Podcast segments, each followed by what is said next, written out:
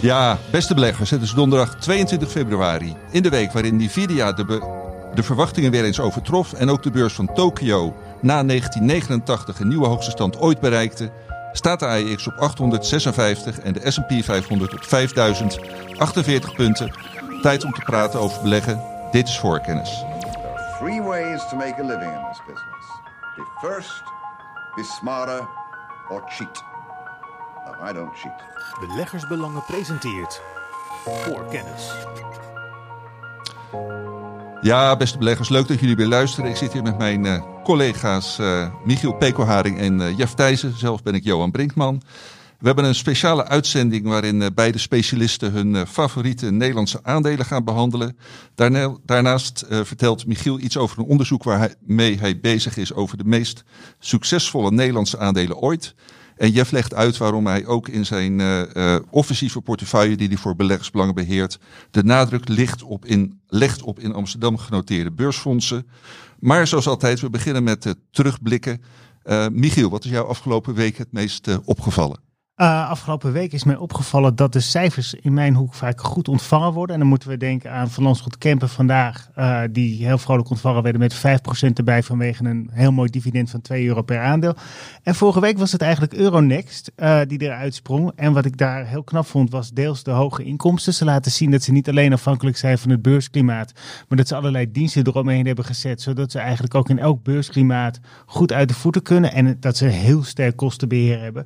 Dus dat was echt uh, wat mij betreft wel de, de uit. Ja, een van, van de sterren. Ook zo mooi om te zien dat ze niet alleen maar uh, in aandelen zitten. De obligatiehandel neemt toe. Ze doen allemaal dingen op het gebied van stroomhandel. Het wordt eigenlijk een veel completer beursbedrijf. Niet meer de one-trick pony die het oorspronkelijk was. En dat wordt nog niet echt weerspiegeld in de waardering wat mij betreft. Nee. Oké, dat uh, verhaal uh, over Euronext wat jij uh, voor ons hebt gemaakt, zullen we in de show notes zetten. Wil je nog andere dingen noemen of houd je je kruid droog voor de hoofdonderwerpen? Nou, ik vind, je noemde Nvidia. Je hebt natuurlijk ook Palo Alto gezien. Dat is een bedrijf, specialist op het gebied van cybersecurity. Die cijfers zijn een stuk minder goed ontvangen. Ik vind het wel mooi om te zien hoe dat momenteel is. Dat beleggers toch wel heel nerveus zijn. Dat cijfers er weer echt daadwerkelijk toe doen. Uh, dat kan je beursjaar eigenlijk maken of breken. En dan zijn we nog niet eens twee maanden in 2024. Nee, nou, het is, uh, het is nu al een heel uh, bijzonder beursjaar. Maar eigenlijk zeggen we dat ook ieder jaar. Hè? Dus dankjewel, Michiel. Jeff, wat is jou met name opgevallen? Uh, ja, bij mij ook uh, weer veel cijfers, kwartaalcijfers, slash jaarcijfers. Uh, meest opvallende vanochtend vond ik zelf Basie. Dat heeft denk ik iedereen wel gezien die ja, af en toe inlogt in zijn broker-app. Ehm, of ja, op sites kijkt met de grote stijgers en dalers. Want het aandeel stond ja, rond de klok van 12 stond het 12% hoger. Voor een aandeel wat vol, volgens mij vorig jaar al 140% gestegen is. En uh, de eerste weken van dit jaar ook al uh, ja. aardig wat uh, koers in zat. Inderdaad. Dus ik kan me ook nog herinneren, denk ik een jaar geleden in de podcast. Toen stonden we aanzienlijk lager. En toen was mijn koersdoel was toen 160. Dus dat zit inmiddels al behoorlijk overheen. en ja, in de offensieve portefeuille, waar we echt wel wat blik hebben meer op de lange termijn, hebben we nog wel steeds positie in BC. Dus ja, het is ook goed nieuws voor de portefeuille. Um, nou, in het vierde kwartaal wisten zij toch weer mooie omzetgroei te realiseren. Dat was ongeveer 16% En dat was wel beter dan verwacht. En de netto winst, uh, ja, uiteindelijk waar het om draait voor de aandeelhouder, uh, die dikte weer met uh, 36% aan. Dus toch weer een sterke set met cijfers. Kijken naar de toekomst, we willen natuurlijk weten ja, hoe gaat het met de orders. Want ja, beleggen is vooruitzien. Uh, ook het aantal orders uh, ja, dikte flink aan. Uh, dat was ja, ook met iets van 30%. En circa de helft van, van die orders, dat zijn de meest dure machines die ze hebben. en dat is voornamelijk gerelateerd ook weer ja, gestuurd door AI. Omdat ja, heel veel ja, van die chipfabrikanten die die chips daadwerkelijk produceren, die, die zetten nou in naar de uitbreiding. Ja, omdat de vraag is, en we hebben ook de cijfers gezien van Nvidia is heel goed. Uh, dividend, 2,15 euro per aandeel. Dat is maar 1% dividendrendement. Maar dat is toch ja, ook aantrekkelijk bij, uh, bij Bezi. Dat ze toch telkens weer ook uh, ja, denken aan de aandeelhouders. Inkoop van eigen aandelen. Volgens mij staan er nu 81 miljoen aandelen uit op dit moment. Maar als je wat ja, verder in de tijd kijkt en ook naar het verleden, zou je zeggen van ja, dat gaat in de komende jaren ook wel weer dalen. Naar uh, misschien 75 miljoen aandelen. Dat is ook weer een stukje eh, wat terug wordt gegeven aan de beleggers. Basi zal niet, niet iedereen kennen. Ik denk, ik neem aan de abonnees van beleggersbelangen wel. Maar we hebben natuurlijk ook luisteraars die misschien ja, nieuw zijn. Heel goed, Jeff. Uh, ja, dus ja, wat doet Basi nu eigenlijk echt? Want zij zijn actief in die productieketen van chips, halfgeleiders. Uh, ASML, die, die, wordt vaak genoemd dat, dat zij de oven zijn. Ze hebben eigenlijk de belangrijkste machine om chips te maken. BASI, uh, de naam zegt het eigenlijk een beetje. Het eerste gedeelte van BASI is BE, back-end. Dat betekent dat zij eigenlijk in de staart opereren van de productieketen. En dan gaat het voornamelijk over monteren van chips. En ook over de verpakking ervan. En dan zou je zeggen, ja, dat klinkt niet super uh, ingewikkeld monteren van chips en het is geen productie van chips en ja, de verpakking van. Maar het is toch zeer complex.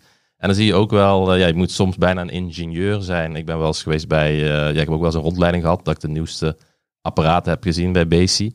Maar ja, je moet nog soms wel een ingenieur zijn om het allemaal te begrijpen. Maar je kan ook kijken gewoon naar de cijfers, naar de winstgevendheid. Want dat zegt ook veel over, ja, is het nou echt een technologisch uh, hoogstandje of niet? Dus ik had wat cijfers opgezocht uit het verleden. Uh, ook van de sector, want er zijn meerdere spelers uh, actief. En kijk je dan naar de backhand-industrie. Uh, 25 jaar geleden, dan ja, de meeste partijen die realiseerden ongeveer bruto marges van 40% in de top van de cyclus. Inmiddels is dat boven de 60%, de bruto marge. En in Q4, dus het laatste kwartaal, had Basi ook 65% bruto marge was in het verleden netto marge, uh, ja, ging de vlag al uit als dat 10% was. Vandaag is dat echt wel ja, boven de 30%. Dus de markt is volwassener geworden. En ja, de technologie is steeds complexer, waardoor er ook echt, ja, het verdienmodel is ook aanzienlijk verbeterd. En toont wel de kracht van, uh, ja, van BC. Ik denk ook dat de sector veel minder cyclisch is geworden. Want je hebt het over 25 jaar geleden. Mm -hmm. uh, rond die tijd ben ik een keertje langs gegaan in San Jose. Toen was ik ook de gast bij Silicon Valley Group. Dat was een klein halfgeleidebedrijf. Dat op dat moment net overgenomen werd door ASML. En uh, ik weet nog dat daarna de orders gewoon opdroogden. Toen was er na die internet hype eigenlijk was het van de een op de andere dag dat, dat er gewoon een kwartaal lang geen nieuwe orders binnenkwamen bij die chipbedrijven. Dus toen was het echt een soort van wild west. Toen kon het van kwartaal tot kwartaal heel sterk fluctueren. En je ziet nu toch wel dat het eigenlijk van een heel cyclische sector veel meer naar een structurele groeisector gegaan is. En ik denk dat je ook, ja, de, de, de koersen worden gedragen door de winst, maar eigenlijk ook door een re-rating, doordat beleggers zeggen van ja, wacht eens even, uh, betere, meer voorspelbare vooruitzichten. Daarop hoort ook een hogere waardering. Ja, Klopt. En ook, uh, ja, inderdaad, dat je zegt van er zijn gewoon meerdere pijlers. In het begin was het inderdaad misschien alleen de PC. Daarna uh, ja, laptops, misschien ook meer. Smartphone, uh, datacenters. Ook steeds meer chips zijn heel erg belangrijk gewoon voor defensie. daar zitten ook gewoon steeds meer ja, van die hele hoogwaardige microchips in. Maar uh, ja, we hebben al een tijd geleden bij Beleggersbelangen hadden we een, uh, want we hebben, ook in onze koerswijze adviezen voor 12 tot 18 maanden, denk ik ongeveer zoiets. Althans, dat is altijd waar ik uh, rekening mee houd. 12 maanden wordt mijn vaak 12 gezegd. maanden is het officieel. Maar ik probeer nog iets langer te kijken, omdat ik toch ja, focus meer ja, wat op de lange termijn. Daar hebben we ook, heeft een collega van mij toen een adviesverlaging gedaan voor Basi. ja, nu hebben we dan, als we kijken van, ja, bijvoorbeeld kijk naar de omzet, zitten nu op 580 miljoen uh, omzet in 2023. Dus ik heb even kort weer wat sommetjes gemaakt. Als je ook kijkt naar de schatting van analisten, dan gaat dit de komende jaren toch wel oplopen naar 1,6 miljard tegen 2030. Dus ja, beleggen is toch wel voor de langere tijd. Dus het gaat toch van iets minder dan 600 miljoen is de verwachting naar 1,6 miljard. Hou je dan vast aan die bruto marge van 65, 65%. Ik denk dat het aannemelijk is. Met name omdat ze nu een, uh, ja, ze hebben een nieuwe technologie, hybrid bonding. Daar hebben ze een technologische voorsprong op. Uh, ja, op basis van alle analisten die ik, kan, uh, die ik heb geraadpleegd. Dat vind ik ook fijn aan Nederland. Je hebt gewoon, ja, het is een Nederlands bedrijf. Je kan zelf contact opnemen met management. Experts in, in, in de sector, maar ook de analisten dicht bij huis. Die toch wat, ja, wat dichter op uh, op die bedrijven zitten dan bijvoorbeeld de grote brokers zoals Goldman Sachs, Morgan Stanley, die er toch van, ja, van verder af opereren. Je hebt toch ook gewoon lokale partijen. Dan zou Basi wel zijn netto marge kunnen behalen van 40%, heb ik uh, uitgerekend. Zit nu wel uh, ja, tussen de 30 35%. Maar als die omzet daadwerkelijk kan oplopen naar 1,6 miljard, dan zou je kunnen zeggen met die netto marge van 40%, dan komt er 640 miljoen euro onderuit Ik had straks al gezegd, we hebben 81 miljoen uitstaande aandelen. Nou, dat kan afnemen naar 75 miljoen, omdat ze continu inkoop eigen aandelen hebben. Dus dan zou je tegen 2030, kom ik dan uit, uh, dat zijn natuurlijk allemaal schattingen. Iedereen heeft een eigen model, maar dan kom ik uit op 8,50 euro per aandeel. Um, ja, hoeveel is Basi dan waard? Dat is inderdaad de vraag. Is het 20 keer de winst? Is het 25 keer de winst? Is het 30 keer de winst? Ik ben zelf dan, naar mijn mening, conservatief. En dan zeg ik 25 keer de winst voor een technologisch bedrijf als uh, Basi. Som sommigen zullen het niet mee eens zijn. Maar ik kijk bijvoorbeeld naar uh, Asmi afgelopen tien jaar een KW gemiddelde van 30. Ja, ook een branchegenoot ja. Uh, eigenlijk, ja. KW van 30. ASML is wel de monopolist, maar die heeft gemiddeld een KW van 40 in de afgelopen tien jaar. Maar stel we zeggen 20 of 25, nou ik ga uit van 25, dan kom je uit op 25 keer uh, 8,50 euro, kom je op 212,50 euro tegen 2030. Dus op dat kan ik wel het advies ook wat we recent dan hebben gedaan om het te verlagen. Van uh, ja, beleggers zijn toch behoorlijk vooruitgelopen op uh, ja, wat er komen gaat. Uh, en ja, er kan natuurlijk altijd kinken in de kabel ontstaan. Of ja, toch dat er een concurrent is. Of dat misschien die chips. Want ja, hybrid bonding is het stapelen van chips.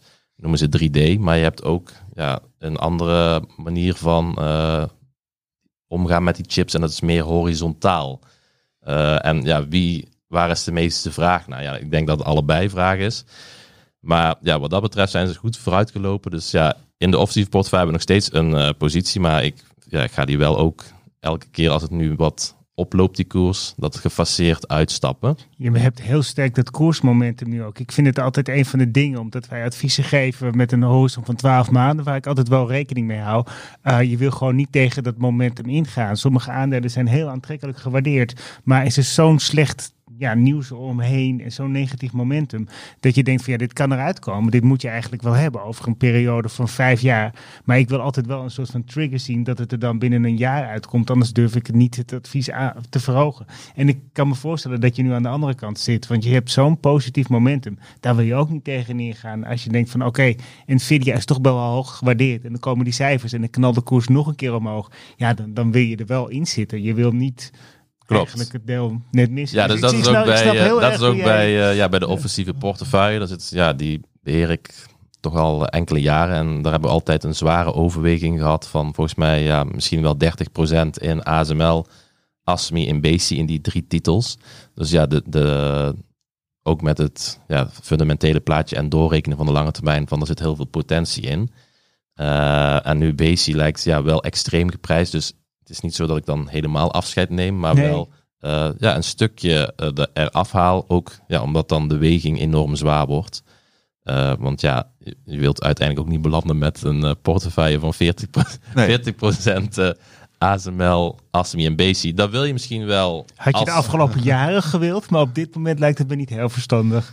Ja, dan kan niemand kan natuurlijk de toekomst voorspellen, maar ja, je hebt gewoon een strategie en je, je doet toch een klein beetje afromen. Uh, En uh, blootstelling halen. Ook mede omdat, als je kijkt nog even naar BC, en dan hebben we daar een uitgebreide terugblik op. uh, ja, dat, ja, de KW 2024 wil natuurlijk niet alles zeggen, omdat ja, winstgroei in de toekomst, dan kan die KW ook heel snel verdwijnen, een hoge KW. Maar ja, die staat boven de 50 op dit moment. En als ik kijk naar de concurrenten, ik had even een lijstje gemaakt. Bijvoorbeeld uh, ASMI, die staat ongeveer op 40. Amcor, die staat op 19. En ik weet niet zeker of ik goed uitspreek, maar Kulike en Sofa, die, uh, die staan op uh, ja, ook tussen de 35 en de 40. Dus dat, wat, dat betreft ook in de peer group analyse, dus een vergelijking ten opzichte van de concurrentie, uh, ja, is het ook behoorlijk aan de prijs. gedeeltelijk ja, ook terecht door wat ze laten zien en ja, de technologische voorsprong die ze hebben. Maar dan is toch wat voorzichtigheid uh, ja, geboden. Ja, helder Jeff. En uh, je gaat er ook, uh, neem ik aan, over schrijven in jouw update van de offensieve portefeuille volgende week in beleggersbelangen. Ja. wat ik trouwens even wou zeggen aan alle luisteraars en kijkers en zeker ook aan de, de nog niet abonnees. we hebben een speciale pagina aangemaakt met al onze tips en adviezen over onze Nederlandse favorieten. dus ook toegankelijk voor niet-abonnees. Een, een, deel van uh, de adviezen gaat er dan uiteraard. En dat is uh, beleggersbelangen.nl slash favoriet. En gaan we nu naar de hoofdonderwerpen. Voor kennis. En uh, nou, ik zei het al in de inleiding. Michiel is voor beleggsbelangen bezig met een, een onderzoek. Of onderzoekje. Het is geen, geen proefschrift. Maar wel een gedegen onderzoek naar wat zijn nou de meest succesvolle Nederlandse aandelen ooit. En uh, nou, jij wilde daar wel al wat uh, over delen, Michiel. Ja, vooral ook uh, even een kijkje geven van hoe belangrijk is het dat je, dat je echt die absolute toppers hebt die er dan tussen zitten. En dat is weer een Amerikaans onderzoeker, dat is Hendrik Bessenbinder. Die heeft daar onderzoek naar gedaan. Die heeft Wealth Creation in de US Public Markets tussen 1926 en 2019 een heel rapport opgesteld. En heeft datzelfde exercitie ook gedaan later voor wereldwijde aandelen. En hij kwam er uiteindelijk in de Amerikaanse markt is er 47,4 biljoen waarde gecreëerd in uh, bijna 100 jaar. Uh, en de helft van die waardecreatie is te danken aan slechts 50 aandelen ongeveer. Dus ja. een heel klein groepje aandelen is verantwoordelijk voor uh, bijna het hele rendement. En um, eigenlijk meer dan de helft van de aandelen draagt niks bij. Dus het gaat eigenlijk om de echte winnaars. Nou, in Nederland, uh, we hebben al, nou ja, laat ik het maar even weggeven. De, uh, hebben we al die, die halfgeleider aandelen besproken. En ASML en ASMI die horen er allebei bij. Uh, ASML, ASML is dan in 1995 naar de beurs gekomen, 1998 in de AEX. En sindsdien hebben ze gemiddeld een jaarrendement behaald van iets meer dan 24 procent. Dat zijn dat indrukwekkend. Indrukwekkende ja, cijfers. Ja. Maar er zijn ook heel veel aandelen die wat minder, uh, althans gewoon in een bepaalde periode eruit sprongen. Uh, die ga ik ook bespreken.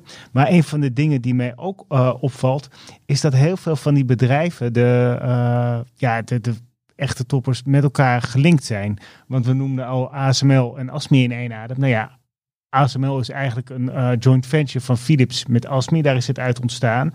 Beide bedrijven doen het uitstekend. Uh, een ander bedrijf dat het heel goed doet, dat is, uh, althans heel goed heeft gedaan, is Galapagos, waarvan de koers omhoog is geschoten van ongeveer 10 euro rond 2010 naar bijna 250 euro. En dat bedrijf is weer ontstaan uit een joint venture, eigenlijk een spinner van Crucel en een onderzoeksinstituut. Uh, en Crucial heeft het ook niet bepaald verkeerd gegaan, uh, gedaan. Die zijn tussen maart 2003 en oktober 2005 omhoog geschoten. Van 1,45 euro naar uh, 23 euro.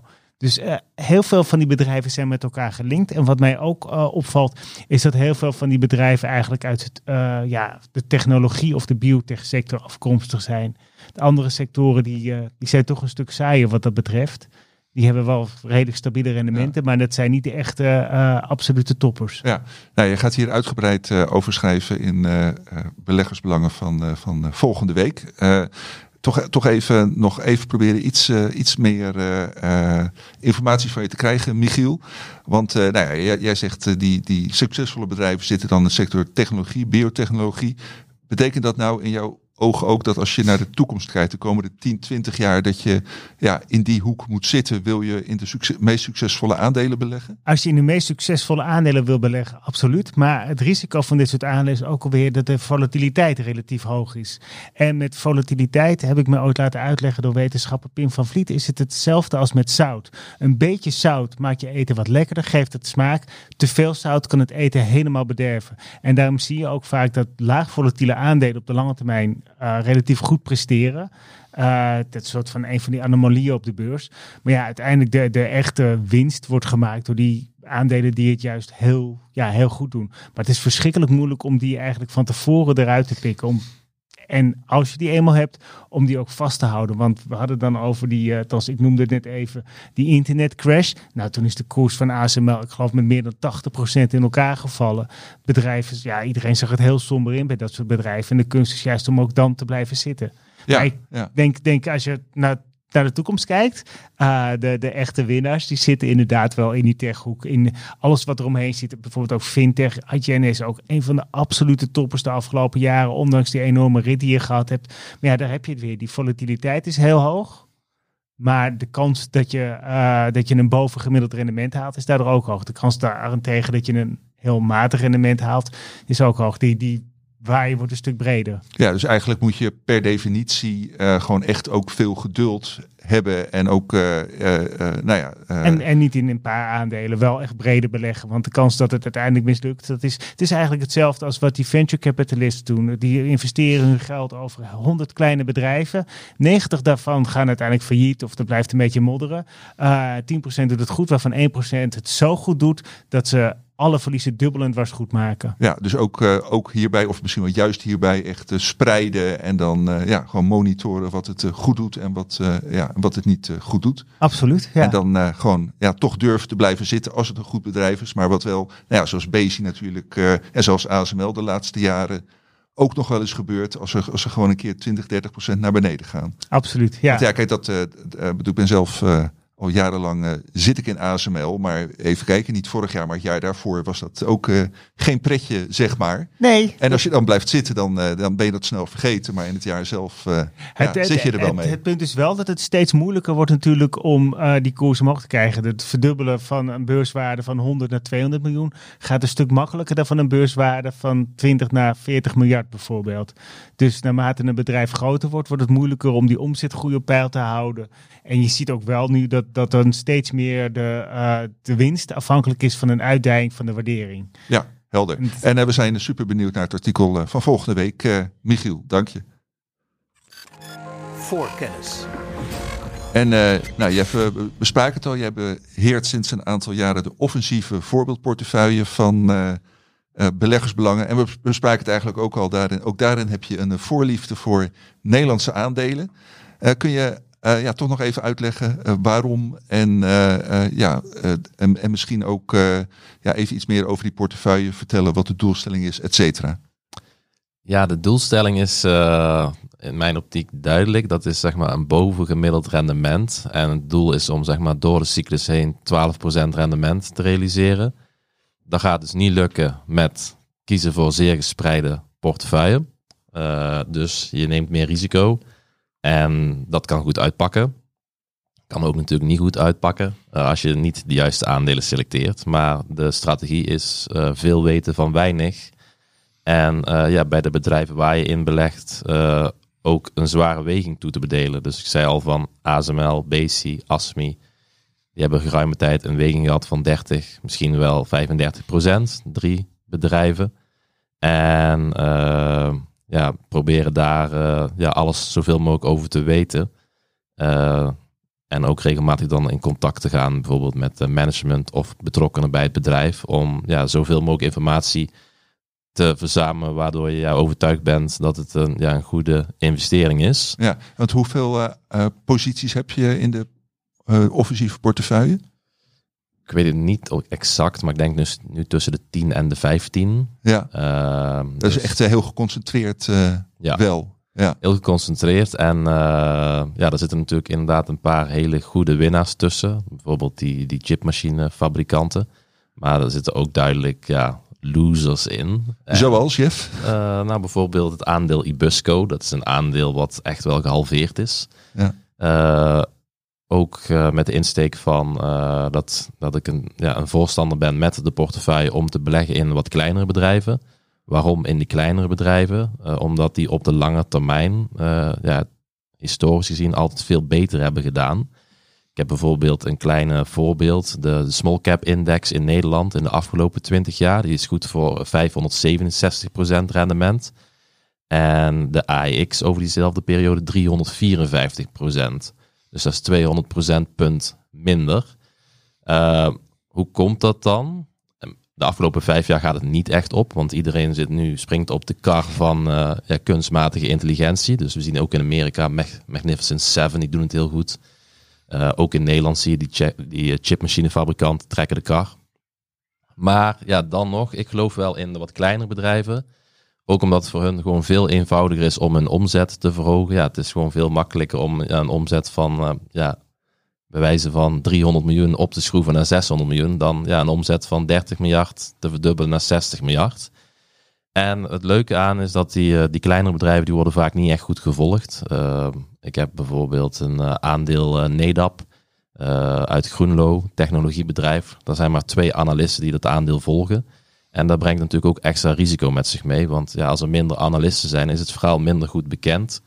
Uh, ook is de liquiditeit vaak uh, wat minder in die aandelen. Dus je kan minder makkelijk in en uitstappen.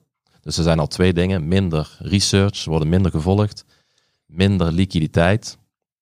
Dat brengt risico's met zich mee. En ja, tegen een, risico, tegen een hoger risico verwacht je ook een hoger rendement.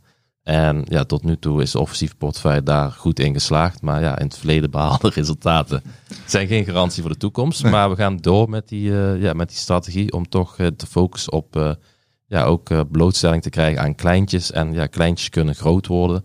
Dat hebben we bijvoorbeeld gezien met ASMI en Basi. Basi is nog steeds niet super groot natuurlijk. Maar ook bijvoorbeeld in de vorige podcast had ik ook een voorbeeld van een aandeel waar ik al heel vroeg bij was. Dat was Lotus Bakeries. Eh, van de speculoos eh, potten. En ja, dat aandeel is ook ja, eh, volgens mij vertienvoudigd. en dat is ook weer, en is nog steeds een relatief klein bedrijf. Dus kleintjes kunnen groot worden, maar het gaat ook heel vaak fout. En een voorbeeld daarvan is Ibusco, producent van elektrische bussen. Die hebben een technologische voorsprong, maar ja, aan het begin zitten altijd heel vaak opstartproblemen van hoe krijg je die productiecapaciteit opgeschroefd. En ja, beleggers willen vaak op korte termijn al uh, rendement zien of resultaat, anders worden ze ongeduldig. Dus dat aandeel is uh, ja, heel hard uh, gedaald en ook wel terecht, want ze hebben bepaalde uitspraken gedaan van wij gaan zoveel bussen produceren, we hebben een technologische voorsprong, maar ja, het komt nog niet echt van de grond. Dus ja, dat, dat, dan horen er ook bleeders bij. Maar ja, dat is altijd bij beleggen, er zitten winnaars en verliezers. Dus het is ook een kwestie van spreiden, zelfs als je geconcentreerd bent en wat ik zelf doe in de portefeuille is ja, de, de investment cases van, van bepaalde bedrijven waar ik het meest van overtuigd ben, die geef ik een veel zwaardere weging dan uh, ja, de aandelen waar ik minder van overtuigd ben. Dus ja, uh, die producent van bussen, Ibusco, die had wel al een lage weging. De weging is nu helemaal laag door de halvering van de beurskoers. Maar die, had, die heeft nooit een weging gehad ja, als uh, bijvoorbeeld ja, een ASMI of een BC. Of bijvoorbeeld, uh, wat ook best een grote weging heeft, is het aandeel Dieteren. Uh, dat ja, is zo'n Belgisch aandeel. Geen Nederlands nee. bedrijf, maar wel Carglass zit daarin. Dat is een soort holding. En Carglass, ja, dat, dat kent wel iedereen. Maar uh, ja, dus ik vind de potentie van small caps vind ik heel interessant. En uh, ja, als je kijkt, wanneer doen small caps het goed? Want uh, ja, we hadden ook van, het gaat over Nederlandse aandelen. Heb je dan ook een paar aanbevelingen? Ja, die heb ik zeker. Uh, de timing is denk ik nu op dit moment goed voor, uh, voor small caps. Want ik heb daar wel vaak wat onderzoek naar gedaan. En het blijkt dat small caps over het algemeen, ja, dus large caps, grote bedrijven outperformen. Dat is de laatste jaren niet geweest. Maar wanneer vindt dan die outperformance plaats? Die vindt voornamelijk plaats in de eerste zes maanden van het jaar. En ja, dan denk je dat is raar. Maar als je er goed over na gaat denken, is misschien wel logisch. Die grote bedrijven die krijgen al alle aandacht in de media. Maar de kleintjes die krijgen ook vaak wel in de eerste helft van het jaar meer aandacht. Dan zoeken ze ook meer de buitenwereld op. Want ze hebben dan de jaarcijfers. Nou, die zijn altijd heel belangrijk. Ze hebben de vergadering van aandeelhouders. Dus op die eerste zes maanden is er meer aandacht ook voor de kleintjes. En daardoor doen ze het ook beter. Dat uh, bijvoorbeeld over de afgelopen twintig jaar zie je duidelijk en, uh, dat de kleintjes het beter doen. Zowel in Nederland, dus, dus de AX tegen de small caps. Maar ook uh, in Europa. Dus bijvoorbeeld ja, de Next 150. Dat zijn 150 wat grotere bedrijven. Afgezet tegen ja, wat kleinere. Ik weet niet of dat, of dat nou echt correct is. Maar in ieder geval in Europa geldt het ook. Maar ook in België zie je, zie je het. Zeg maar de Bel 20 en de, de Bel Mid zie je toch allemaal een outperformance. En op lange termijn. En dan voornamelijk in de eerste zes maanden van het jaar. Dus je kan nu small caps kopen met wat rugwind. Want we, ja, we zitten pas in februari. En ja, als ik dan specifiek kijk naar een aandeel wat ik uh, ja, op dit moment uh, ja, wel fan van ben. Dan is dat uh, NEDAP. En NEDAP is een onderneming die de laatste jaren een goede reputatie heeft weten op te bouwen op het gebied van softwareontwikkeling. En uh, RFID-chips. nou, uh, wat, wat zijn die chips? Dat is bijvoorbeeld, dat zie je wel bij Decathlon, dan zit dat zo uh, ja, aan de kleding verbonden. een soort van ja, beveiliging zou je het ook kunnen zien, maar het is ook een soort van voorraadmanagement systeem. Dus de, winkelier kan heel goed makkelijk zien ja, welke producten liggen allemaal in de schappen. de onderneming heeft, waarom is het een interessante aandeel? Omdat het ook wel een beetje wat defensiever is. Kijk meer wat macro-economisch. Dan, uh, ja, ik volg heel veel analisten en ja, de ene analist is de andere niet. Maar ja, ik, ik heb nu behoorlijk veel ervaring en ik weet mijn gevoel wel welke ja, analisten ik meer op vertrouw dan, dan anderen. En zij, zij zitten toch allemaal wel een beetje met ja, het, eh, de winstgroei, rente en sentiment. Dat bepalen je rendement. Dat eh, is ook een eh, slogan van een bekende, eh, dat heet Ad Value Fund, die ook al, eh, ja, al jaren aan de weg timmert. Maar vooral die rente, ik denk dat dat, ja, dat heeft vorig jaar heel belangrijk geweest. En ik denk dat ook dit jaar nog steeds eh, ja, heel belangrijk is op de beurzen. En ja, er waren heel veel renteverlagingen ingeprijsd. En ja, ik zit meer in het kamp van dat ik denk van, ja, dat, de, dat die rente niet zo snel zo hard verlaagd zal worden. Dus gezien alle koersexplosies, ja, ben ik dan voor het openen van nieuwe posities, zou ik zeggen van ik geef op dit moment meer wat weging aan wat eh, defensievere aandelen. Straks volgt ook zo'n defensief aandeel. Eh, maar ook bijvoorbeeld aan een NEDAP, eh, ja, dat toch wel een gespreide portefeuille heeft. Zij zijn bijvoorbeeld actief in healthcare.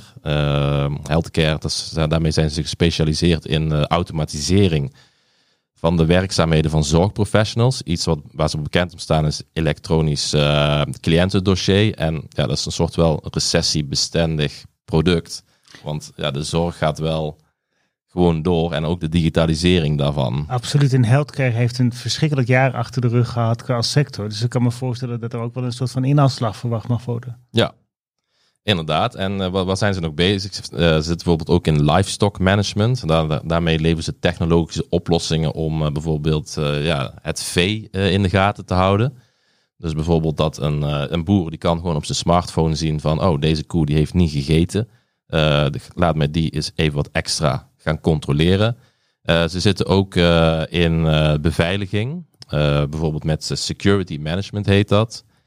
En hebben ze een beveiligingssysteem wat echt met, ja, met die pasjes werkt van om in en uit eh, kantoren te komen. En daar hebben ze een hele goede reputaties mee, want ze hebben echt heel veel grote bedrijven maken gebruik van hun diensten. Bijvoorbeeld Unilever, ING, Ahold Delhaize, maar ook eh, BP. En eh, ja, dat zijn allemaal activiteiten waar behoorlijk wat vraag naar is. En waar gebleken de afgelopen jaren en waar Nedap ook continu ja, marktaandeel mee weet te winnen. En ook dit bedrijf kwam vanochtend met cijfers. Dus ja, ik heb behoorlijk druk. Ja, complimenten dat je hier zo op tijd eh, fris nog zit, eh, Jeff. Want eh, je hebt inderdaad aardig wat calls afgeluisterd. Ja, inderdaad. Dus ja, bij Nedap de omzet groeide autonoom 14%. Dat vind ik al heel interessant aan dit bedrijf, want ze doen geen overnames. Zij doen alles op autonome groei en dat brengt al minder risico aan een belegging, want je, je ziet toch vaak dat overnames fout gaan. Bekendste is misschien wel recent van Just Eat Takeaway met die grote overname in Amerika. Ja, dat is natuurlijk uitgelopen op één groot fiasco. Dus ja, Nedap die zet gewoon in op alleen op autonome groei en ja, doet sporadisch een overname. Eh, als we kijken naar eh, de jaarcijfers, nou, die, die omzetgroei was toch 14% autonoom. Eh want dat komt omdat ze al jaren op rij superveel investeren in research and development. Want dit jaar ging volgens mij research and development was 18% van de omzet. Wow, 18% van de omzet. En dat was vorig jaar ook en het jaar daarvoor ook. en Dus daar komt maar 14% omzetgroei uit. ja, op dit moment wel, maar ik verwacht nog veel meer. Eh, tegelijkertijd, wat heel belangrijk is aan de investment case van Nedap, zette ook de trend door dat de kwaliteit van de omzet eh, verbeterde. Dus eh 14% omzetgroei. Maar eh, de terugkerende omzet uit de verkoop van softwareabonnementen, die, eh, daarmee worden hogere marges behaald, die groeide met 19%. Dus inmiddels is 32% van de totale omzet komt dus voor uit de verkoop van softwareabonnementen. En in 2017 was dat nog eh 17% en 2014 13%. Je ziet daar een gestage trend steeds meer komt uit eh ja, softwareabonnementen. En ja, dat geeft ook een stabielere ja, inkomsten, maar ook eh, ja, zorgt voor eh, aanzienlijk betere marges. Die marges die moeten dus opgekrikt worden naar richting de 15% als ik het goed heb. En eh, daar zijn ze nog niet, want ze zaten nu pas op, op 10%. Het doel was 2025 eh, een marge te bewerkstelligen van 15%. Maar ze hebben nu gezegd van dat gaat een jaartje langer duren. Maar ja, het zit nog in het vat, denk ik. Eh, zelf heb ik gekeken naar 2026. 2026 dan zouden ze dus 15% moeten halen. Nou, ik ga zelf wat bescheidener zit ik op 14% uit, daarvan uitgaande. En dat lijkt me ook eh, haalbaar, zeker als die trend doorzet van eh, ja, die softwareabonnementverkoop, dat die steeds belangrijkere weging krijgen. als je dan een sommetje maakt, uh, kijken nou ook naar de omzetgroei van de laatste jaren, als je dat, die trend een beetje doortrekt, ook gezien de doelstelling van een bedrijf, dan ja, lijkt een winst per aandeel van 5 euro tot de mogelijkheden te behoren in, uh, in 2026, als je rekent met die, uh, met die marge van 14%. En ja, dan is weer de vraag, 5 euro, wat is zo'n bedrijf waard? ik vind 17 maal de winst voor een technologiebedrijf als NEDAP, vind ik ja, vind ik passend. En dan zou ik op een beurskoers komen van, van 85 euro tegen die tijd. We staan nu aan 67,80. Dat lijkt niet extreem, maar Nedap is ook een hele goede dividendbetaler. Um, het heeft een, uh, wat was het, netto schuld. Meestal hebben ze een netto kaspositie. Ik zag dat nu de netto schuld uh, EBITDA 0,1 was. Dus die is, gewoon een hele sterke balans. En uh, het dividend werd ook verhoogd naar 3,20 euro. En dan kom je op een dividendrendement van 4,7 procent. Uh, dus ja, het is al jaren een hele goede dividendbetaler. En uh, ja, ik denk, uh, ik reken er zelf op, maar misschien is het ook hopen op een revival van de small caps. En ja, als die, als die er ook komt, dan dat meer ja, grote groep beleggers ook weer die aandelen weten te vinden dan zou een aandeel, ja, want het is vrij uniek, een technologiebedrijf uh, met een zeer sterke balans, zeer hoog dividendrendement telkens. Ja, dan zou het mij niet verbazen als dat oploopt naar 20 maal de winst. Uh, en dan heb je het over een beurskoers van 100 euro.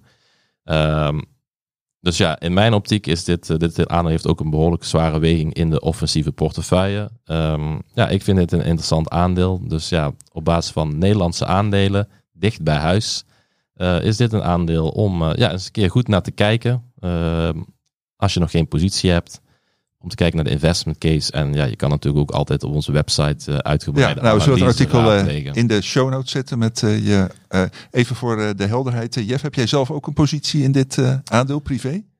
Uh, ja, ik heb in alle, posities, alle aandelen van de offensieve portefeuille een positie. Dus ook in Basi, waar we het eerder over hebben gehad. En ik heb ook een positie in NEDAP. En uh, wat ik ook ja, nog heel positief vind als afsluiter voor dit aandeel is uh, sterk management. En ook dat ze hebben ook een, een soort van beleid. En een tijd terug hebben ze dat ja, opgestart dat alle medewerkers ook aandeelhouder worden. Dus bijna elke medewerker, iets volgens mij van meer dan 90%, heeft aandelen in NEDAP. Daarmee krijg je wel een positie dat de belangen van de medewerkers, het bedrijf en de aandeelhouders, dat dat uh, ja, met elkaar uh, overeenkomt. En ook de CEO, Ruben Wegman, die heeft ook een aanzienlijke belang in het, in het, uh, in het bedrijf. En dan, ja, mijn ervaring is als CEO's een grote positie hebben, dat er dan toch soms andere keuzes worden gemaakt. En niet eerder bijvoorbeeld. Ik weet het bijvoorbeeld een interview van die Ruben Wegman die zei van het is voornamelijk als CEO zorgen dat er geen uh, domme keuzes worden gemaakt in het bedrijf. En dat een van de domme keuzes zal worden kunnen zijn ja, we willen maar overnames doen om omzetgroei te realiseren, omdat in het remuneratierapport staat als we omzetgroei realiseren dan krijgen we een mooie bonus. Maar ja, je moet geen bedrijven overnemen om maar te overnemen. Het moet wel echt waarde toevoegen. En uh, ja, ik heb de overtuiging dat bij dit bedrijf, dat zij daar goed mee bezig zijn om waarde toe te voegen voor de aandeelhouders. Ja, nou, deze liefdesverklaring, uh, bijna Jeff, voor het uh, aandeel Nedap, die delen we graag met de luisteraars en de kijkers. En ja, ondertussen zijn er ook via de live chat wat vragen en opmerkingen binnengekomen over de setting waarin we hier zitten. die krijgen we het spreekwoordelijke duimpje omhoog. En uh, gelukkig zijn we ook uh, goed, uh, goed te verstaan. Dat is ook niet altijd, maar vanaf nu gaat dat 100% goed, kan ik u verzekeren. Maar dan inhoudelijke vragen. E eentje voor jou, Michiel. Renier die vraagt zich af, die zegt van nou, ABN AMRO en ING hebben eigenlijk ja, soortgelijke jaarcijfers gepresenteerd. Ook soortgelijke verwachtingen.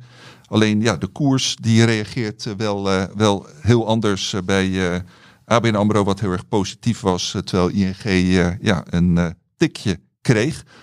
Hoe kunnen we dat verklaren, Michiel? Dat heeft vooral te maken met de verwachtingen in de aanloop naar die cijfers toe. Dat ING toch wat groter is, wat meer internationaal. Uh, de, ontwikkeling van de netto rentemarge die was al uh, langere tijd wat beter dan bij ABN AMRO. Waarom is die netto rentemarge toch zo belangrijk voor banken? Ja, banken verdienen geld door eigenlijk geld uh, dat op de spaarrekeningen binnenkomt weer uit te lenen. En het verschil tussen de rente die zij ontvangen en betalen, dat is de, de marge als het ware, die heeft jarenlang onder druk gestaan toen de rente in Europa extreem laag was. Nu is de rente opgelopen. Nu verdienen banken daar weer echt goed geld op. Um, maar ING zei van ja, waarschijnlijk gaan we volgend jaar toch even net wat minder verdienen op die, uh, ja, die netto renteinkomsten die 80% van de totale inkomsten vormen. En dat was even schrikken voor beleggers die ook bovendien ook iets meer aandelen inkopen hadden verwacht. Hadden verwacht dat de bank iets rianter zou zijn. En ABN AMRO is eigenlijk precies andersom. Die, die cijfers, de lat lag daar vrij laag. En uh, nou, daar zijn ze makkelijk overheen gestapt. Dus het is vooral de, de verwachtingen in aanloop naar de cijfers. Dan kijk je dus gewoon naar wat er, wat er de komende tijd van uh, de banken verwacht mag worden. Ik heb even gekeken, de beurswaarde van ABN AMRO is 12,9 miljard, van ING 43,9 miljard. ING ook veel meer internationaal. Het dividendrendement over vorig jaar van ABN AMRO ligt hoger. Dat is 10,4% tegen 8,8% ING. Waardering van ABN AMRO ligt ook wat lager. Het lijkt heel aantrekkelijk gewaardeerd, allebei die banken. Maar uh, omdat ze toch best wat kwetsbaar zijn in een negatief economisch klimaat... of in een scenario waarin de rente toch wat sneller gaat dalen... wat nou ja, zich voorlopig nog niet laat zien... Uh, zou, heb, ik, heb ik wel, is dit niet echt het moment, is dit geen aanleiding om nu vol positie te kiezen in die banken? Nee, helder en uh, vraag denk ik uh, duidelijk uh, beantwoord. hebben we nog een vraag, of ook een vraag van, van Pieter Jan, belegd al sinds 1981. Hij was toen 18, dus kunnen we uitrekenen hoe, hoe oud hij nu is. Maar hij, zei, hij zegt, ik ben gewend dat dividendrendement lager ligt dan de rente op 10 jaars staatspapier. Maar het is nu niet meer zo en ja, wat dan te denken van die dividendrendementen op de Nederlandse beurs, die ja, soms eh, bij bepaalde aandelen ruim 5% eh, zijn. Uh, Michiel, ook jij had, jij had daar ook een opvatting over. Ja, het is, het is op zich jammer dat hij nog relatief kort belegt. Want als hij 20 jaar eerder was begonnen met beleggen, dan had het dividendrendement hoger gelegen. En het is eigenlijk ook best wel lang geweest. Eigenlijk, dat, dat wisselt tussen dividendrendement en de, de, de rente over 10 jaar staatsobligaties. Maar eigenlijk zijn dat ook twee heel verschillende dingen. Als je kijkt, het dividendrendement, dat is een gevolg van de winstgevendheid van bedrijven. En het bedrijfsleven keert dan een deel van die winsten uit als dividendrendement. Terwijl uh, de rente op staatsobligaties vooral bepaald wordt door ja, de inflatie en dan nog meer de inflatieverwachtingen. Die waren bijvoorbeeld in de jaren 80 waren die heel hoog. Dan heb je een heel hoge rente. En dan 16, eigenlijk sinds, sinds uh, de, de heer begonnen is met beleggen, is dat alleen maar minder geworden. Dus je hebt een hele glijvlucht gehad van die rente. En nu gaat hij weer wat omhoog. Maar ik zou niet echt uh, die twee, twee eenheden met elkaar gaan vergelijken. Omdat natuurlijk aandelen en obligatiebeleggingen ook heel andere andere dingen zijn. Ja, maar vanuit, vanuit het perspectief van de belegger, je wil uh, nou ja, een dividend of je wil een inkomen hebben van, van of een rendement hebben van 4% op je, op je vermogen, dan is het toch wel van uh, ja, belang wat zijn de verwachtingen bij aandelen qua rendement en wat zijn de verwachtingen. En vooral ook van risico, want bij obligaties, staatsobligaties weet je wat je eraan hebt. En eigenlijk is die rente een vergoeding voor de inflatie, voor de geldontwaarding van je portefeuille. Terwijl bij aandelen, ja, die winsten kunnen groeien en het dividend groeit daarmee. Dus als je een wat langere horizon hebt, dan, dan zijn aandelen wat dat betreft wel een betere belegging. Oké, ook dat een uh, helder antwoord. Dan uh, zijn er nog uh, twee andere vragen binnengekomen die ik zelf even kort zou beantwoorden. Relatief simpel. Gijsbert die vraagt zich af, had hij namelijk al eerder over gevraagd wanneer we een keer een beschouwing over SBM Offshore gaan plaatsen. Nou, dat doen we na de jaarcijfers en die zijn 29 februari, dus die hou je te goed, Gijsbert. En uh, Cor die uh, ja, vraagt zich af hoe wij tegen Nederlandse vastgoedaandelen aankijken. Nou, we hebben daar een specialist, Jeroen Boogaard, die ja, op Nederlandse vastgoedaandelen over het algemeen zeer positief is. Ook met nu mogelijk meerdere renteverlagingen in aantocht. En nou ja, zijn favoriet is, is Nieuwe Steen, oftewel NSI. Dus nou, die vraag kan ik ook kort en bondig beantwoorden. Uh, ja, heeft u uh, vragen verder aan ons nu in dit komende half uur nog? Kunt u ze stellen via de live chat, via de YouTube. En anders nou ja, naar ons mailen, maar dan behandelen we die later. En ook nog een keer zeggen dat dus ja, verschillende artikelen over onze Nederlandse favorieten, ook voor niet-abonnees, zijn te lezen op beleggersbelangen.nl slash favoriet. Voor kennis. En eh, ja, Jeff heeft net een eh, favoriet aandeel van hem eh, genoemd, het mooie NEDAP. En wou ik nu even aan jou de beurt geven, Michiel. Kun jij één of misschien twee aandelen noemen die er voor jou, wat jou betreft echt uitspringen? Absoluut. En ik wil er twee noemen. Ik begin met eentje die in verschillende opzichten toch wel het tegenbeeld is van wat Jeff net verteld heeft. Dit is geen small cap, het is een large cap. Ze doen wel aan overnames. Eh, ja, en de- de waardering, daar ze keren dividend uit. Dat is wel, dat is een van de dingen waarom ik ze eh, graag in ze beleg. En iedereen weet wat ze doen. Het is ASR, het is een verzekeringsbedrijf. Het behoeft niet heel veel uitleg wat een, wat een verzekeraar doet. Ze hebben levensverzekeringen eh, en ze hebben eh, schadeverzekeringen. Nou, schadeverzekeringen streven ze ernaar naar een zogeheten combined ratio. Het verschil tussen wat ze uitkeren aan schade en wat ze binnenkrijgen aan premies van ja, 93, 94 procent. Dat lukt ze ook altijd. En ehm, wat, wat Jeff ook zegt, het voordeel van de Nederlandse bedrijven is dat je vaak wel weet wie er aan het roer staat. Hoe belangrijk is het voor jou dat je ook gewoon die topman kent, dat je weet welke strategie er gevaren wordt? Eh, ja, voor mij is het het allerbelangrijkste. Eh, ik wil weten wie, eh, wie het management is. Kijk, het verschilt natuurlijk per bedrijf. Management is niet altijd het belangrijkste. Maar ja, het is voornamelijk fijn als je zelf met vragen zit waar je twijfels hebt. Dat je ja, gewoon hun kan contacteren. En dat er ook geen taalbarrière is. Dat is het. Dat is toch ook. Je kan ook meer als je in gesprek bent met iemand en je, je praat allebei in je eigen, ja, je, je native eh, taal. Dan heb je meer het gevoel van iemand is hier iets aan het ja, achterhouden of die wil niet het achter van zijn tong laten zien. En bij, ja, als een Nederlander dan Engels gaat praten, ja, die is ook zoekende naar woorden. En dan krijg je toch een andere ja, gevoel erbij. Dus het Ja, is en toch. qua, qua duidelijkheid vind ik ASR er echt uitspringen. Want de strategie is, nou, wij zijn een kleine, inmiddels middelgrote flis eh, in een grote vijver. Wij blijven in Nederland. Wij wagen ons niet aan buitenlandse overnames. Buitenland is voor vakantie. Eh, waar sturen ze op? Ze sturen met name op de kapitaalgeneratie. De kapitaalgeneratie is eigenlijk een van de beste maatstaven voor hoeveel geld een verzekeraar overhoudt gewoon aan operationele activiteiten. En eh, dat, wat doen ze met het geld? Dat keren ze voor een heel groot deel uit aan de aandeelhouders. Dus dan krijg je een dividendrendement van, van 6,5, 7 procent. En een dividend dat gewoon elk jaar groeit. Ze hebben die eh, eigenlijk van, van 2,70 vorig jaar, ongeveer 2,95 dit jaar, 3,20 volgend jaar. Dit is een heel mooi, ja, het, het groeiend eh, inkomen als. Wat ik ook sterk vind, is de manier waarop het bedrijf geleid wordt, ook in lastige situaties. Denk bijvoorbeeld aan de Woeker-polis-affaire, die vorig jaar opeens opleidde. Eh rechter deed een uitspraak. De verzekeraars die knalden onderuit. De onzekerheid nam toe. En de ASR was eigenlijk de eerste grote partij die overeenstemming bereikte met belanghebbenden. En gewoon duidelijkheid creëerde. En daarmee echt heel veel onzekerheid weg, weghaalde. Ja, ik begreep eh, in een van onze, vorige podcasts eh, dat ASR ook ja, in, in rankings als een van de bedrijven naar voren komt die ja, goed scoort op het eh, eh, duurzaam gebied in de zin van ESG en ook zeker op social en governance. eh, Ja, dat, dat zit gewoon goed in elkaar. ja, ja. Dat, dat, ik- dat is een van de dingen die ik ook altijd wel meeneem. Want het be- bedrijf moet duurzaam zijn. En aan de ene kant heb ik er vertrouwen in als je duurzaam bent, als je oog hebt voor de wereld om je heen, dat het ook een veel bestendiger bedrijfsmodel is dan wanneer je alleen stuurt op financiële zaken. En de, de ASR heeft het heel goed onder controle. Dit doen ze uitstekend. Ook duurzaam, begrijp ik toch weer terug aan financiële maatstaven, is de kapitaalbuffer. Uh, want wil je kapitaal uitkeren wat er binnenkomt, dan moet je natuurlijk wel een goede basis hebben.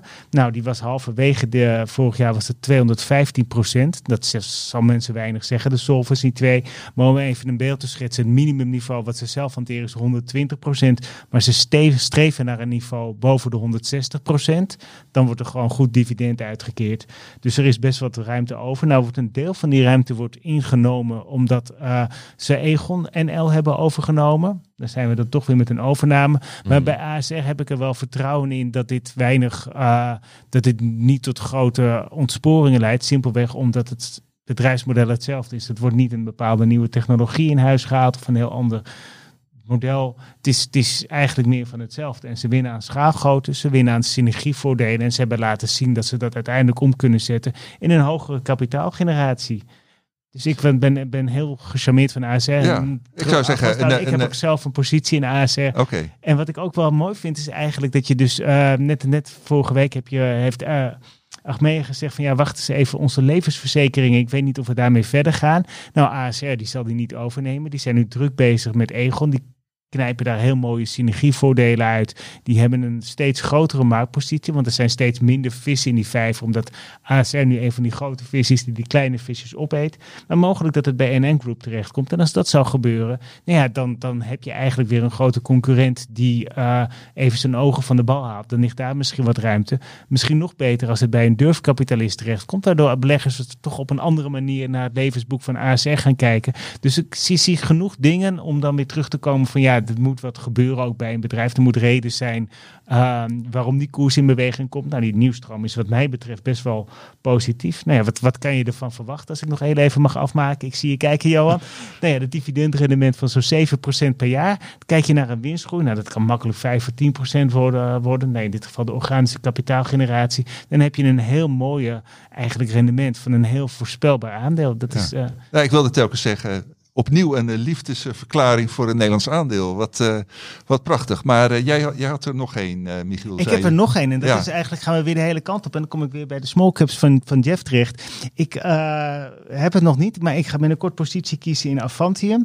Ehm, simpelweg, wat, wat doen die?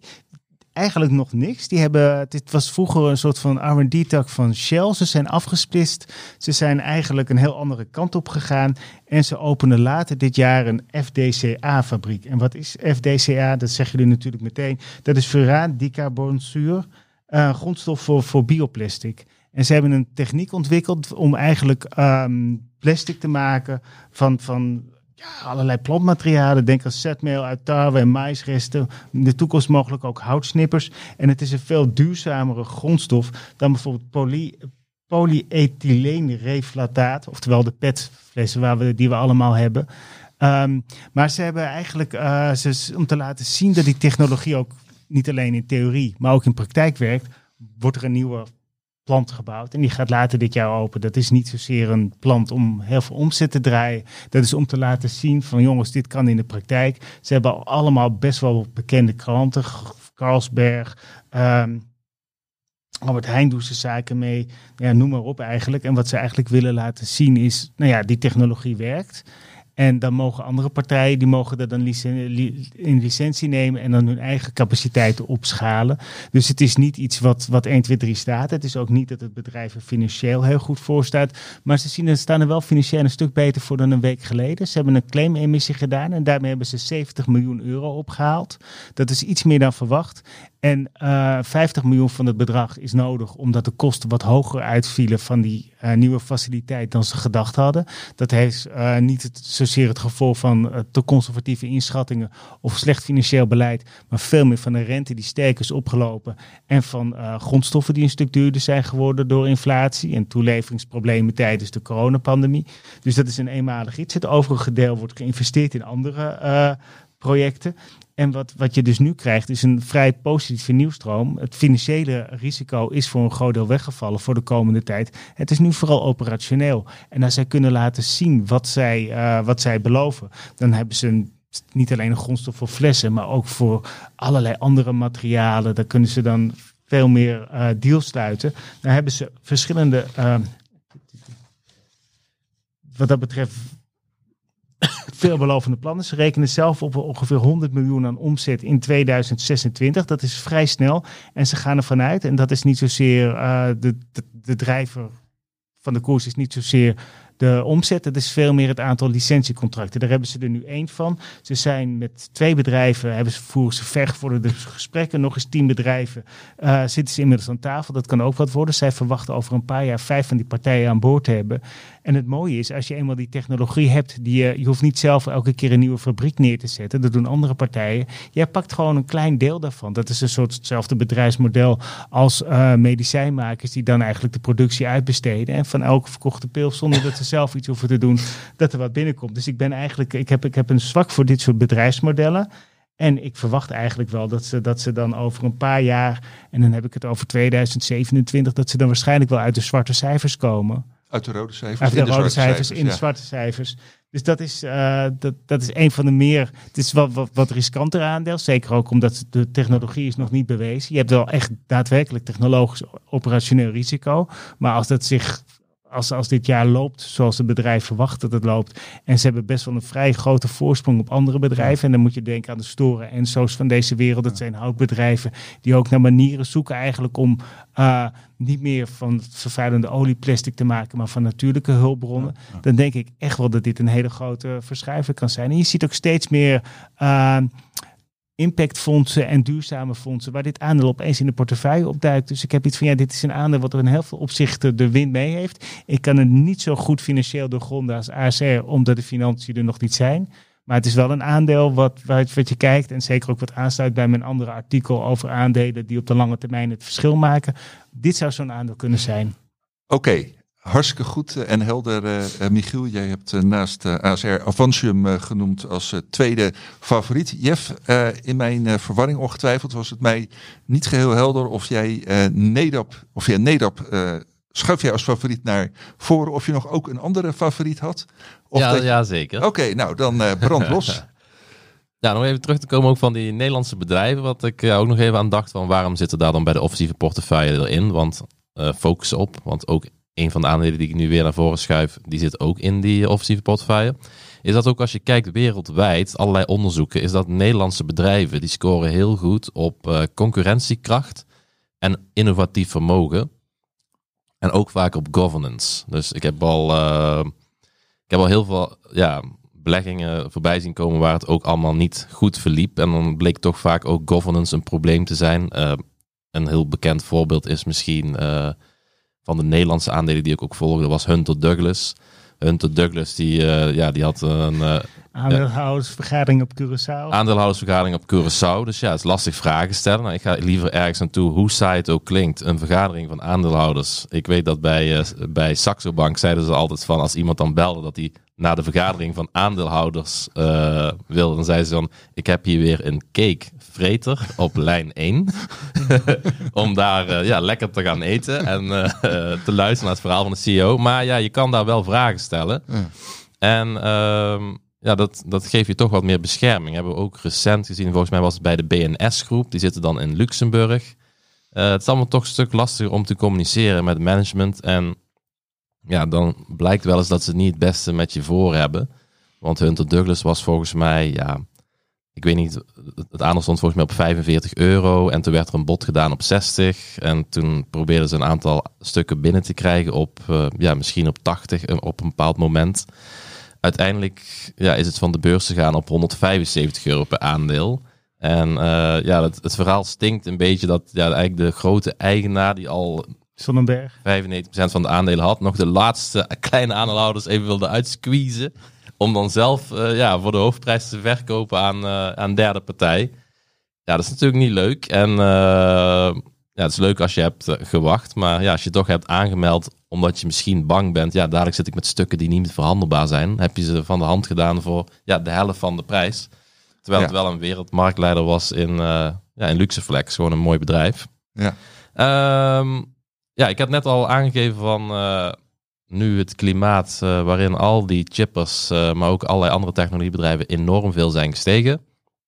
Ook met ja, heel veel renteverlagingen die al ingeprijsd zijn ben ik nu wat voorzichtiger. En uh, om dan nieuwe posities te openen, maar ook bepaalde posities een zwaardere weging te geven. Dus binnen de offensieve portefeuille kies ik nu bij voorkeur, in plaats van nog die hoge technologiebedrijven op dit moment met een zeer hoge waardering, kies ik liever voor uh, ja, wat meer spreiding. Bijvoorbeeld holdings, die ja, bijvoorbeeld ondergewaardeerd zijn. Of wat defensievere aandelen of cyclische aandelen die een hele lage waardering hebben. Nou, één aandeel wat ik recent het advies uh, van heb verhoogd naar kopen, is een aandeel waar uh, ja, in het verleden de CEO van ontvoerd is geweest. En dan is de vraag, ja, welk aandeel is Heineken. dat? Heineken. Oké. Okay. En uh, wat denk jij, Johan?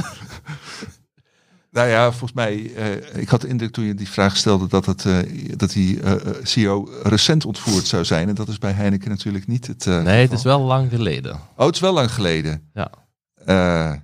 Jeetje, een Nederlandse aandeel. Ja. Ehm, nou, ik weet het niet. Ja, ik, ik zou ook Heineken kunnen zeggen, maar dat ja, dus dat is zeg maar bijvoorbeeld ook de strategie die ik toepas binnen de offensieve portefeuille, is heel veel weten van weinig. En eh, dan ga je dus echt diep graven, ook in de Ja. geschiedenis. En dan kom je soms hele bijzondere te- tegen. Want dit is een aandeel wat ja, door veel mensen wordt gezien als super saai. Maar er zijn toch wel heel veel dingen gebeurd in het verleden die zeker niet... Maar- eh, maar als, eh, als je zegt super saai, dan denk ik aan Wolters Kluwer. Maar ja, dat- dat, dat, zou kunnen. Maar dit, is, eh, dit is, gaat over eh Ahold Delhaize. Ahold, Del- Ja, Ahold Delhaize. Ah, ja, En het natuurlijk, heeft ja. ook een, eh, Ja. ja. een hele lange historie, want het bestaat al meer dan 100 jaar. En ja, ik heb sinds ik dat aandeel ook volg voor beleggersbelangen, ben ik daar heel diep in gaan, gaan graven. Maar natuurlijk ook gewoon de historie. Maar ook, ja, wat doen de analisten? Wat, wat weet je over de sector? En ja, dat was toch wel, dat is toch wel een heftige gebeurtenis. Dus was de CEO was ontvoerd, maar die is ook eh, ja, om het leven gebracht. Eh, de CEO van Ahold Delhaize destijds. Ehm, en ja, vaak wordt een saai bedrijf genoemd, omdat ja, er is weinig omzetgroei. Maar ja, het groeit wel rustig. Ik moet meteen weer denken aan het boekhoudschandaal. Ja, inderdaad. Dus dat wou ik erbij noemen. Inderdaad, eh, in, geweest bij in Ahold. 2003 inderdaad. Ja, ja boekhoudschandaal, waardoor de koers ook eh, ja, extreem eh, daalde. Volgens mij van 15 euro naar misschien wel een dieptepunt van 2,50 euro per aandeel. Bleek dat in 2001 en 2000, eh, nee, in 2000 denk ik, of 2001, bleek ook dat eh, ja, de cijfers ja, veel mooier waren voorgespiegeld dan eh, ja, de realiteit. Eh, achteraf bleek dat, eh, ja, dat er 20% meer omzet in de boeken stond dan daadwerkelijk. Eh, dus ja, dit is een, een saai bedrijf. Maar je hebt natuurlijk veel beleggers die ja, nog niet zo lang meedraaien. En dan, ja, dan zou je dan niet per se misschien bij eh Ahold Delhaize zoeken. Van ja, wat er allemaal is gebeurd in het, in het verleden. Maar de, ja, de voedingssector in zijn algemeenheid heeft behoorlijk wat volatiele perioden op zitten. Eh, normaliter groeit de omzet in de sector. Eh, ik kijk dan specifiek zelf naar gegevens van Eurostat en van de St. Louis Fed. Dat gaat dan over Europa en Amerika. En dan normaliter groeit de omzet van ja, de sector detailhandel, voeding en dranken. Die groeit tussen de 0 en 5 procent. Eh, dus je weet wel een beetje waar je aan toe bent. Maar de laatste jaren is dat, eh, ja, hebben we heel wat anders gezien. Kijk.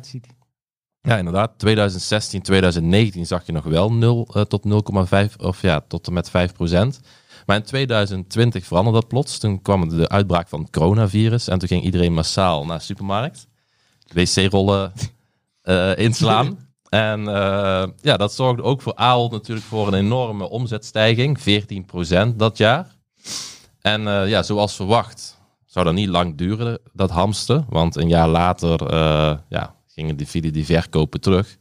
En iedereen dacht toen, eh, volgens mij 2022, van nou komt er een normalisatie. Eh, dat bleek niet het geval door de inval in, eh, in Oekraïne en inflatie. En ja, de- deze sector kan dat relatief goed doorbreken naar de eindconsument. Dus zagen we ook weer heel veel, ja, toch weer omzetgroei. Maar kijk je onder de motorkap, dan zie je wel al een trend, ja, nu wat langer, dat als je corrigeert voor inflatie, dat de consument wel kritischer is geworden, ook in de supermarkt. En ja, hoe zie je dat dan? Dat ze minder producten kopen, dus de volumes dalen, maar ook steeds meer kiezen voor huismerken. Ja. Ehm, dus ja, altijd kiezen voor de variant, niet meer voor het aanmerk, maar bij wijze van voor Coca-Cola van, eh, van Albert Heijn.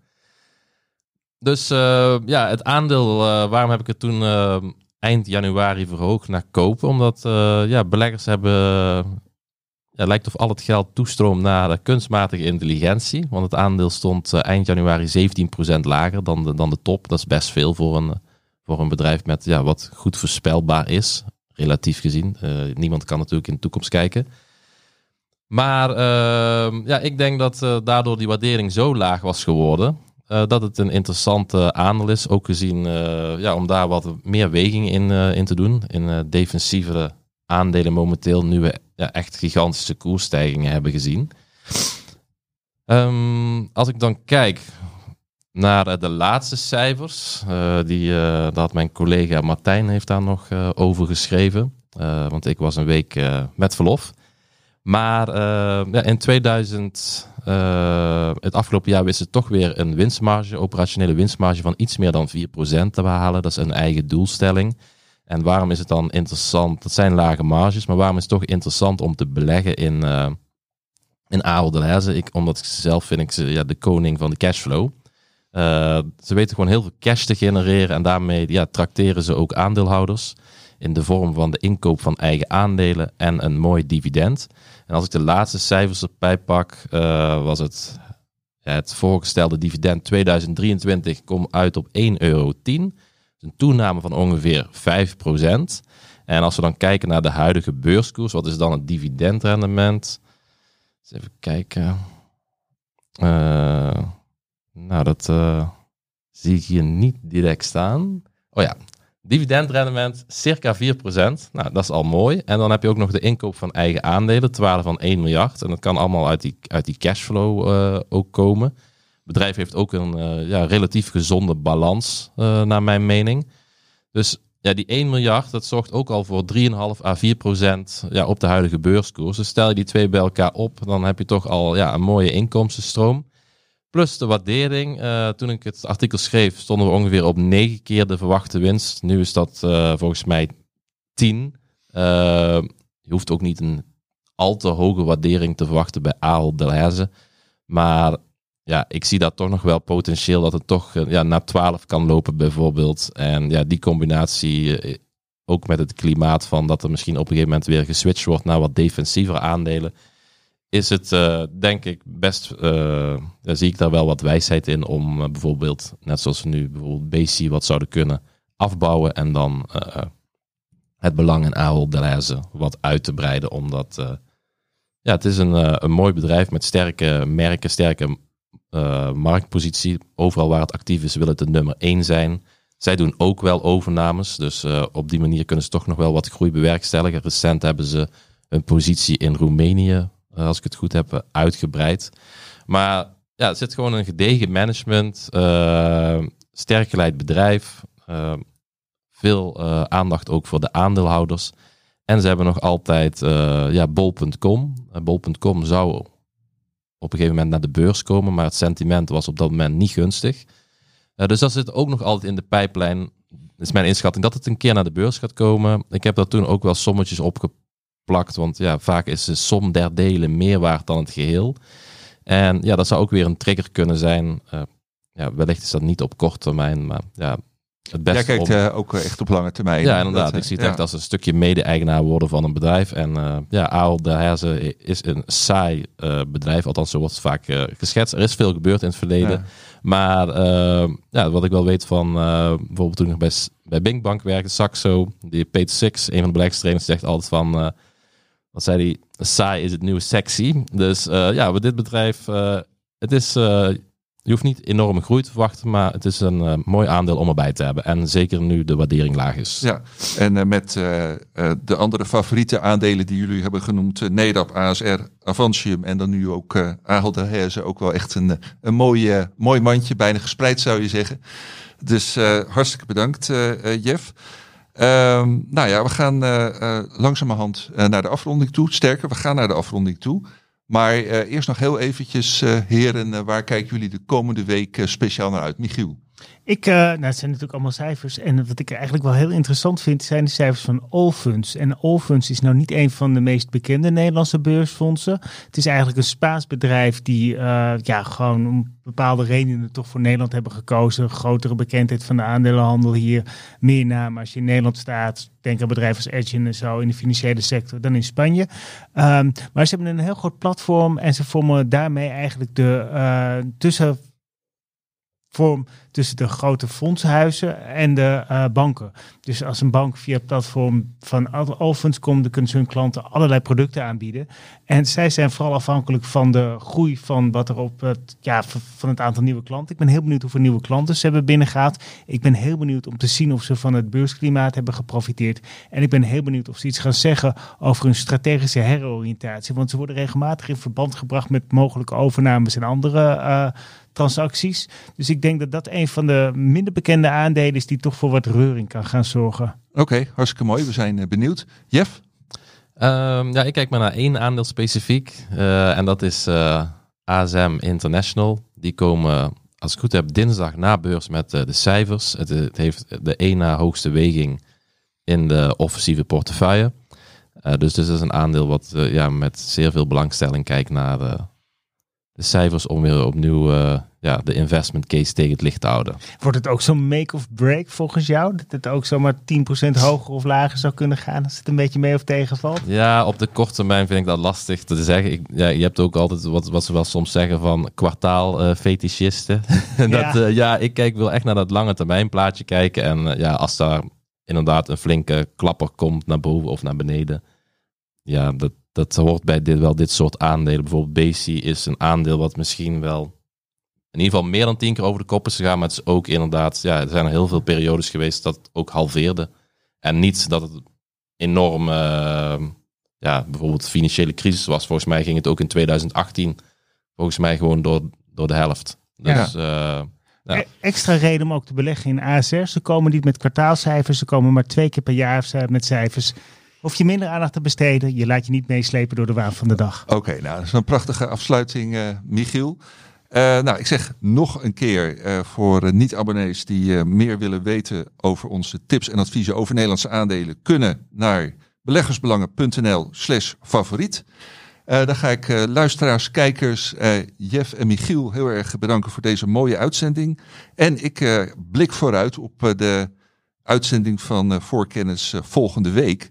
Dan zit ik hier niet met twee, maar, met liefst met zes eh, collega's, eh, eh, want het is namelijk de 150ste aflevering dan van Voorkennis. Gaan we extra lange aflevering van maken. Aankondigingen daarvan vindt u binnenkort op de website. maar nou, daar kijk ik in ieder geval heel erg naar uit. nu bedankt voor het luisteren en kijken en tot volgende week.